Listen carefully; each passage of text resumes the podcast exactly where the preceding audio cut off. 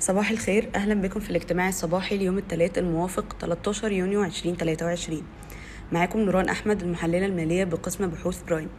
من أهم أخبار ال macro النهاردة إن مجلس النواب وافق على موازنة العام المالي 2023-2024 واللي هتكون قيمتها 4 تريليون و350 مليار جنيه بزيادة 35% عن موازنة العام المالي السابق.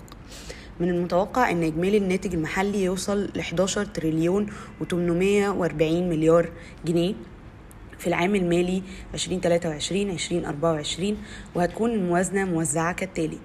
الأجور 470 مليار جنيه شراء سلع وخدمات 139 مليار جنيه تكاليف الديون تريليون و120 مليار جنيه الإعانات والمنح 529 مليار جنيه الاستثمارات الحكومية 587 مليار جنيه الاستحواذ على الأصول 42 مليار جنيه وأخيرا أقساط الديون المحلية والأجنبية هتكون تريليون و320 مليون مليار جنيه.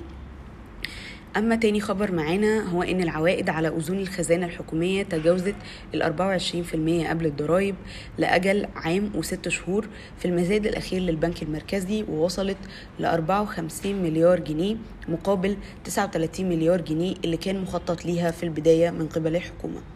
عندنا كمان إن الحكومة بتخطط لبيع جزء أو كامل حصتها في فودافون مصر التابعة للمصرية للاتصالات أو بيع محطة بني سويف لتوليد الكهرباء عشان تح... تكمل هدفها بتأمين 2 مليار دولار من خلال برنامج الطروحات. ومن أخبار الشركات نفت سيدي كرير استحواذها على إيثيدكو وده لأن المستشار المالي المستقل مقدمش التقرير النهائي بخصوص اتفاقية تبادل الأسهم لسه. شكرا لاستماعكم للاجتماع الصباحي وصباح الخير.